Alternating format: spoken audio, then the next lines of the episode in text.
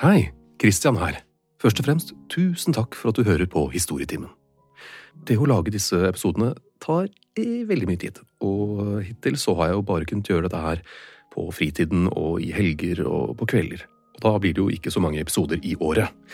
Men hvis jeg kunne gjort det på dagtid, da kunne det plutselig blitt en god del flere. Men det er jo avhengig av støtte, så derfor lurer jeg på følgende. Kunne du vært interessert i å betale en liten sum for å høre på Historietimen? La oss si 29 kroner i måneden, eller 49 kroner i måneden, eller ja. Svaret skriver du rett i Spotify-spilleren din hvis du bruker Spotify, og hvis du bruker en eller annen spiller, så send gjerne en mail til hei at gjenklangstudio.no med svaret ditt. Hei at gjenklangstudio.no. Sånn, da er det bare å starte episoden. Igjen, tusen takk.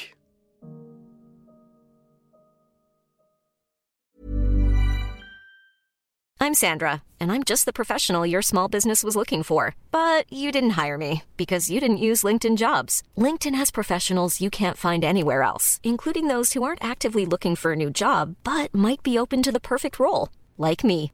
In a given month, over 70% of LinkedIn users don't visit other leading job sites. So if you're not looking on LinkedIn, you'll miss out on great candidates like Sandra. Start hiring professionals like a professional. Post your free job on linkedin.com/people today. Millions of people have lost weight with personalized plans from Noom, like Evan, who can't stand salads and still lost 50 pounds. Salads, generally, for most people, are the easy button, right? For me, that wasn't an option. I never really was a salad guy. That's just not who I am. But Noom worked for me. Get your personalized plan today at Noom.com. Real Noom user compensated to provide their story. In four weeks, the typical Noom user can expect to lose one to two pounds per week. Individual results may vary.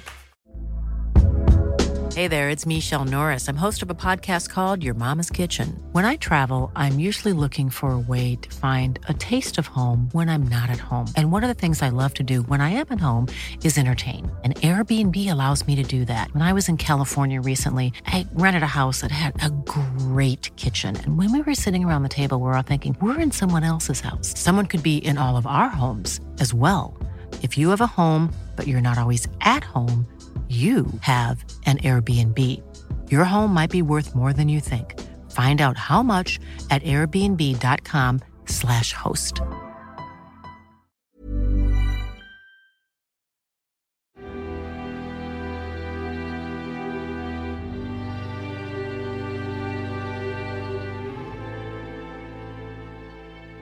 I år 532 etter vår tidsregning ble halvparten av den gigantiske metropolen Konstantinopel satt fyr på, rasert og ødelagt. Over 30 000 mennesker døde. Og alt startet på grunn av hooligans.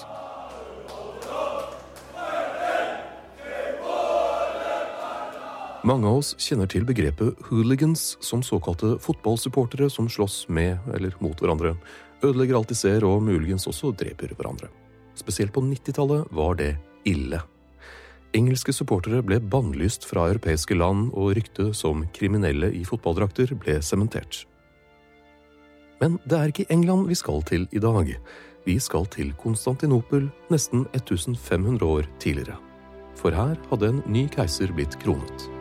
Keiser Justinian.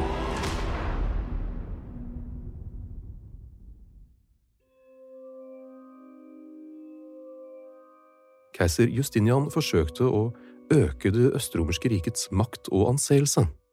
Han hadde store ambisjoner, men han startet i minus. Han var opprinnelig faktisk fra en bondefamilie. Hans onkel hadde greid å krype oppover den sosiale stigen før han ble keiser og adopterte Justinian som sin arvtaker. Det første Justinian gjorde, var å øke skattene, samt slå hardt ned på korrupsjon. Ironisk nok var to av hans nærmeste medarbeidere eller rådgivere superkorrupte. Og det var veldig godt kjent. Samtidig var han i en krig som ikke gikk så bra med sassanidene i øst. Han økte altså skattene for å betale for en krig de ikke så ut til å vinne. Og det er ikke særlig populært. Og det hjalp ikke at da de rett etter proklameringen om økte skatter ble fremmet, tapte et viktig slag. I tillegg var det vanskelig å få tak i mat i byen på grunn av dårlige avlinger og fordi krigen hadde gjort flere handelsruter utilgjengelige. og styresmaktene gjorde ikke all verden for å bøte på dette. Så resultatet var skyhøye matpriser og mange som rett og slett ikke hadde råd til å få nok mat på bordet til familien sin. Men vi er ikke ferdig, for inflasjon var selvsagt også en ting her. Verdien på valutaen stupte på grunn av både overforbruk fra statskassen og Justinian og co., samt at de vannet ut valutaen. I dag ville det vært å simpelthen printe mer penger, og når ti kroner plutselig er verdt, la oss si, én, så blir det ikke akkurat lettere å få råd til mat. Men i Romerriket hadde man sterke tradisjoner. Hva gjør en keiser når ting ikke går bra? Brød og sirkus. Hestevedløp, eller chariot racing, var ekstremt stort. Og når jeg sier ekstremt stort, så er det, det, er nesten vanskelig å fatte hvor viktig det var for folk i, den, i hele den romerske verden. Og Justinian satset på at dette var det som skulle til for å kurere all gruff. Historisk så hadde Konstantinopel fire lag, som var standarden i Romerriket. De grønne, de blå, de hvite og de røde. Og disse lagene, de var ikke bare lag, de var viktige sosiale og politiske fraksjoner og aktører. Du valgte ikke lag ut fra hvor du bodde, så mye som hvilke verdier dette laget delte med deg. Tenk eh, Skottland. I Glasgow i dag så har man to store lag. Det var Celtic og Rangers. For å bruke en eh, veldig bred pensel, så er Celtic katolske republikanere, mens Rangers er protestantiske monarkister. Veldig bred pensel her, altså. Og sånn var det også da i Konstantinopel, bare enda mer altoppslukende. For disse supporterne var laget alt. Det var stammen din. Identiteten din. Greit nok at du kom fra Konstantinopel, men hvilken farge du var, fortalte alt om deg. I tillegg var de ulike aristokratiske familiene og politiske spillerne også knyttet til hver sin farge, så de kunne få backing både økonomisk og politisk av overklassen. Etter hvert falt de hvite og de røde litt av, og de blå og de grønne ble da de største og mest innflytelsesrike grupperingene. I hippodromen under løpene, altså hesteløpsbanen, satt de blå på én side og de grønne på den andre, med keiseren i midten. Hvis du har sett filmen Ben Hur, så er det kanskje lettere å se for seg hvordan en hippodrom så ut. Den forrige keiseren, Justinians onkel, hadde bannlyst flere av underholdningene, så nå var det bare ved hesteløpene hvor folket kunne få kanalisert og gitt uttrykk for sine følelser. Og de var det mange av, for i mengden var de på sett og vis anonyme, de var en del av en masse. Men via slike turneringer kunne keiseren også vise sin makt og bli hyllet av folket, for han kunne for eksempel betale for hele stasen og få stadion til å hylle ham, for så krone vinneren, og alt var fryd og gammen. Hele dette sirkuset, dette skuespillet, var ikke bare en viktig og lang tradisjon i Romerriket, men også et fundament for kontroll. Hver av grupperingene kunne bli enige om hvilke politiske og sosiale ting som de ønsket en endring i, og ropte dette taktfast til keiseren, som fikk vite hvilke saker som der og da lå befolkningen nærmest. Og keiseren og hans soldater hadde ikke nubbesjans til å kontrollere byen uten å samarbeide med gruppene.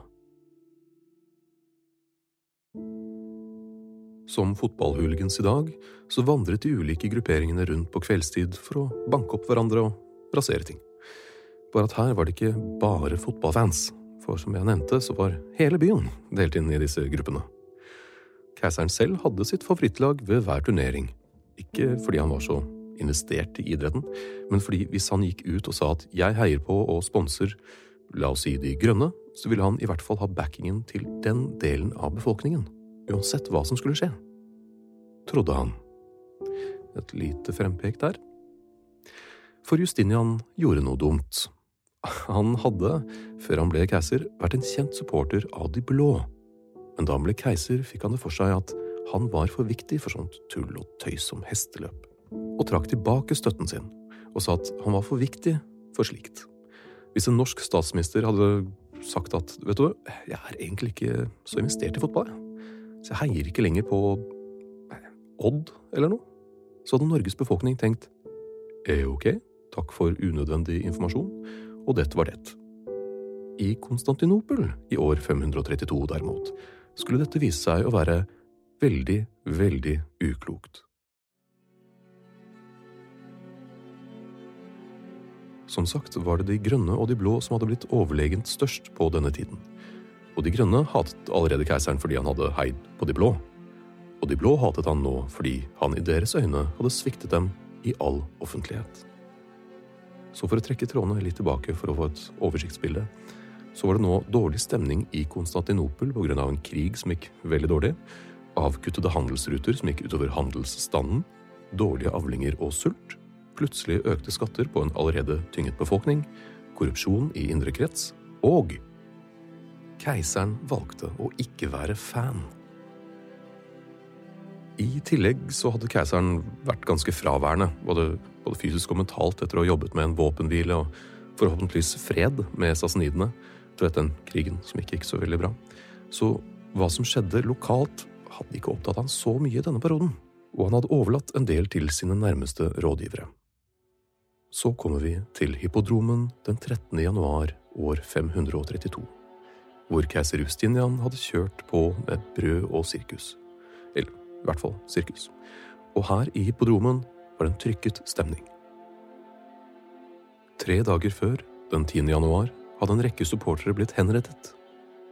Før dette hadde både de grønne og de blå klaget på dette og bedt om å få dem løslatt.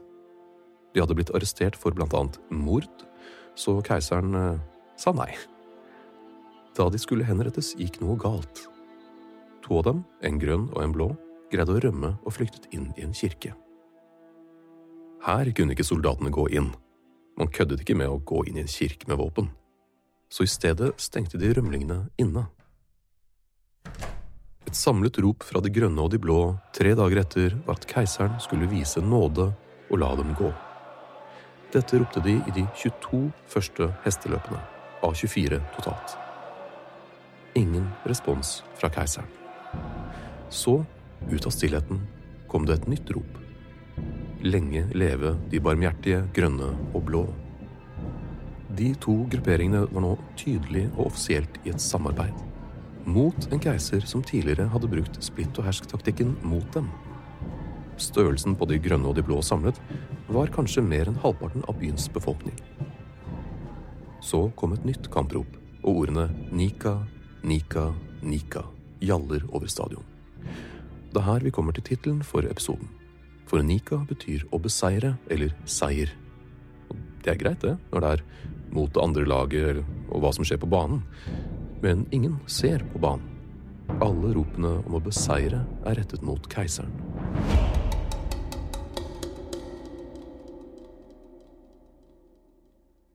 Hele stadion vibrerer av de taktfaste ropene. Så begynner de grønne og de blå å angripe tjenestemenn og offentlig ansatte, og kaste ting mot keiserens boks. Panikk oppstår, og keiseren må rømme. Heldigvis for han er palasset og hippodromen koblet sammen, så han kom seg helskinnet dit. Men ropene og volden spredde seg raskt til utenfor hippodromen, og byen ble plutselig angrepet av sine egne. Utenfor praetoriumet samlet det seg en stor gruppe som krevde at byperfekten skulle løslate de to dødsdømte. Byperfekt er, kall det en blanding mellom en sheriff og en militær leder, er man sånn høvelig i nærheten. Han nektet, og mens de ropte Nika, Nika, Nika, stormet de bygningen og slapp ut alle som var fengslet der, uansett grunn. Og da de var ferdig med det, brant de like så godt ned hele praetoriumet, altså senteret for militæret i byen og utover natten spredte brannen seg samtidig som nye ble påsatt. Nattmørket så ut som lyse dagen da halve byen var i fyr og flamme.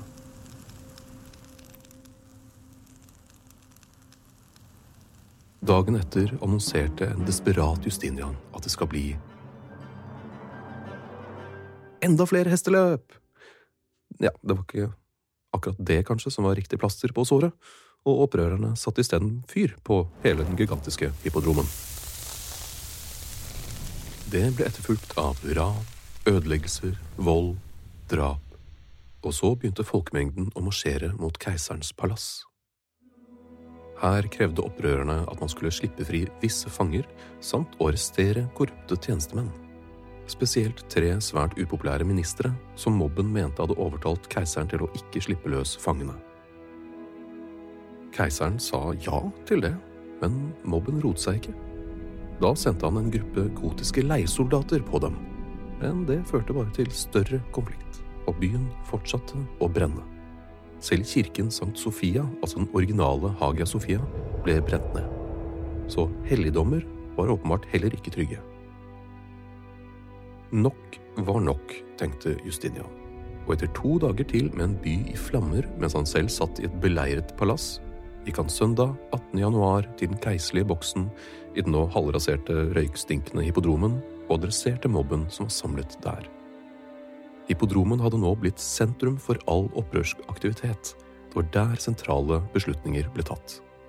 Den var rett ved siden av palasset, som nevnt, så både beleiringen av palasset og strategiske beslutninger startet og endte der. Med gospelene i hånden anerkjente keiseren sine feil, lovte å adressere befolkningens problemer og å la dem alle gå ustraffet fra det.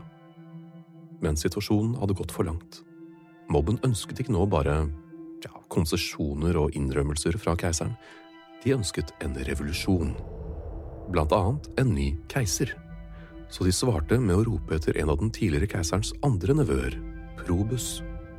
Men han hadde stukket av fra massakren, så da de dukket opp utenfor hans palass, og han ikke var der, da satte de like greit fyr på det òg. Men da kom det bysantiske aristokratiet inn, altså de som ikke var spesielt fans av Justinian. De hadde, som tidligere nevnt, beina godt plantet inne hos de grønne og de blå, så de pushet nå på for nok en ny keiser, en de selv ønsket. Og valget falt da på Hypatius, nok en av den tidligere keiserens nevøer. Og folket hadde blod på tann og fulgte på. Problemet var bare at Hypatius ikke egentlig var særlig keen på jobben. Ikke overraskende hvis man bare så rundt seg på alt som skjedde. Resultatet ble da at han ble hentet av mobben og dratt med til hippodromen. Her ble det da bestemt at han skulle proklamere at det var han som var den nye keiseren, og ble nå av mobben kronet til ny keiser. Nå visste ikke Justinian hva han skulle gjøre lenger. Han levde, ikke overraskende nok, et annet plan enn disse vanlige borgerne, i sin egen lille høytsvevende boble. Men nå var han i en situasjon som var bisarr for de fleste. Han sto midt i et kupp, en tapende krig og et indre opprør. I desperasjon tenkte at han bare rett og slett måtte flykte byen og la mobben overta. Med sine rådgivere planla han en fluktrute via sjøveien. Men så skjedde det noe. Kona hans, keiserinnen Theodora, ville ikke høre om noe slikt. De kunne ikke, skulle ikke, miste hovedstaden sin. Så keiseren snudde. Han måtte ta et endelig oppgjør med det hele. Vinn eller forsvinn. Så etter å ha planlagt med sine rådgivere, sendte han beskjed til sine tre beste generaler om å komme til palasset. Her må det nevnes en svært viktig detalj, for disse generalene var ikke fra Konstantinopel. De og deres tropper var gotere, germanere og armenere. Dermed hadde disse generalene og troppene ingen egentlig lojalitet til byen utenom dens keiser. Det var ingen grønne eller blå å finne blant dem. De hadde ingenting med politikk eller indre krangling i Konstantinopel å gjøre. Så med en plan satt møtte generalene og troppene opp ved hver sin inngang til hippodromen. Og planen var todelt. Den første delen av planen var at evnukken Narses, som var den ene generalen, og som var en av keiserens mest betrodde menn, og som generelt var godt likt spesielt blant de blå, tok turen alene til hippodromen. Han kom gående med en tung sekk og begynte å prate med de blå. Han sa at kom igjen, da. Justinian er ikke så ille. Husk, han er jo blå innerst inne. Og den såkalte nye keiseren deres? Han er jo grønn. Vil dere virkelig ha en grønn keiser? Og for å virkelig hamre inn budskapet, så åpnet han sekken, og den var full av gull. Mobben var slitne over synet av gull og irritasjonen over de grønne tok flesteparten bestikkelsen og gikk hjem. Til de grønnes store frustrasjon, selvsagt. Så var det klart for del to av planen. De to andre generalene hadde samlet troppene sine og blokkerte inngangene til hippodromen. Planen var å ikke la noen der inne slippe ut i live. Store deler av mobben var nå borte, og de som var igjen, selv om de var tre ganger så mange som soldatene, de, var jo rett og slett ikke soldater. De var jo vanlige folk. Som mann i gata. Så blodet fløt. 30 000 menn ble slaktet inne i hippodromen. 10% av byens innbyggere utslettet. Og den nye keiseren eh, død. Fred, uansett hvor brutalt, hadde blitt oppnådd.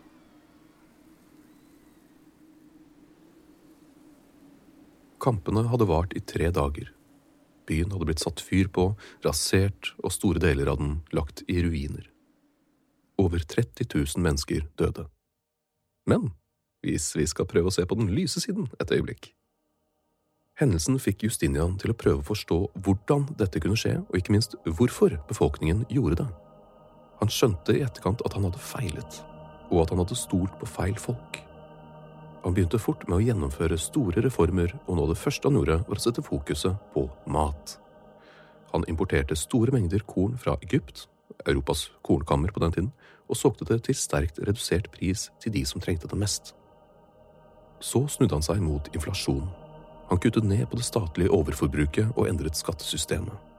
Og for å holde folk i jobb og opptatt, så igangsatte han store byggeprosjekter i byen. Og den mest kjente av dem alle? Hagia Sofia. Altså, Den originale kirken lå i ruiner, men han bestemte seg for å bygge en som var så vakker at ingen noensinne ville ønske dens ødeleggelse. Ikke bare står den her fortsatt i dag, men den er en gigant i arkitekturens historie, og som i tusen år var den største katedralen i verden. En annen ting han gjorde, var å forfølge alle aristokratene som hadde gått imot ham. Ikke bare tok han dem av dage, men han konfiskerte all eiendom og rikdom. Så plutselig så hadde han ikke så mange fiender lenger, og ikke så mange som ville tørre å pønske på noe nytt. Og sånn varte det, fred og gammen i hele ni år før byllepesten for første gang tok turen innom Europa. Ja da, pest og storby er en knakende fin kombo, og den fikk selvsagt det koselige navnet den justinianske byllepesten. Og på sin egen måte ødela den igjen Konstantinopel. Men keiser Justinians helomvending og reformen han gjorde, førte, pest eller ei, til at Konstantinopel ble det store senteret for økonomi og vitenskap som det ble.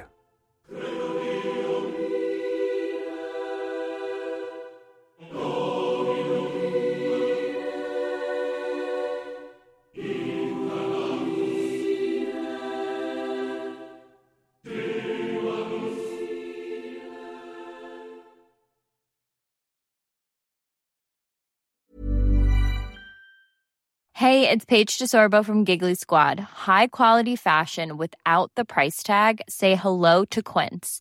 I'm snagging high-end essentials like cozy cashmere sweaters, sleek leather jackets, fine jewelry, and so much more. With Quince being 50 to 80% less than similar brands. And they partner with factories that prioritize safe, ethical, and responsible manufacturing. I love that. Luxury quality within reach. Go to quince.com slash style to get free shipping and 365 day returns on your next order. Quince.com slash style.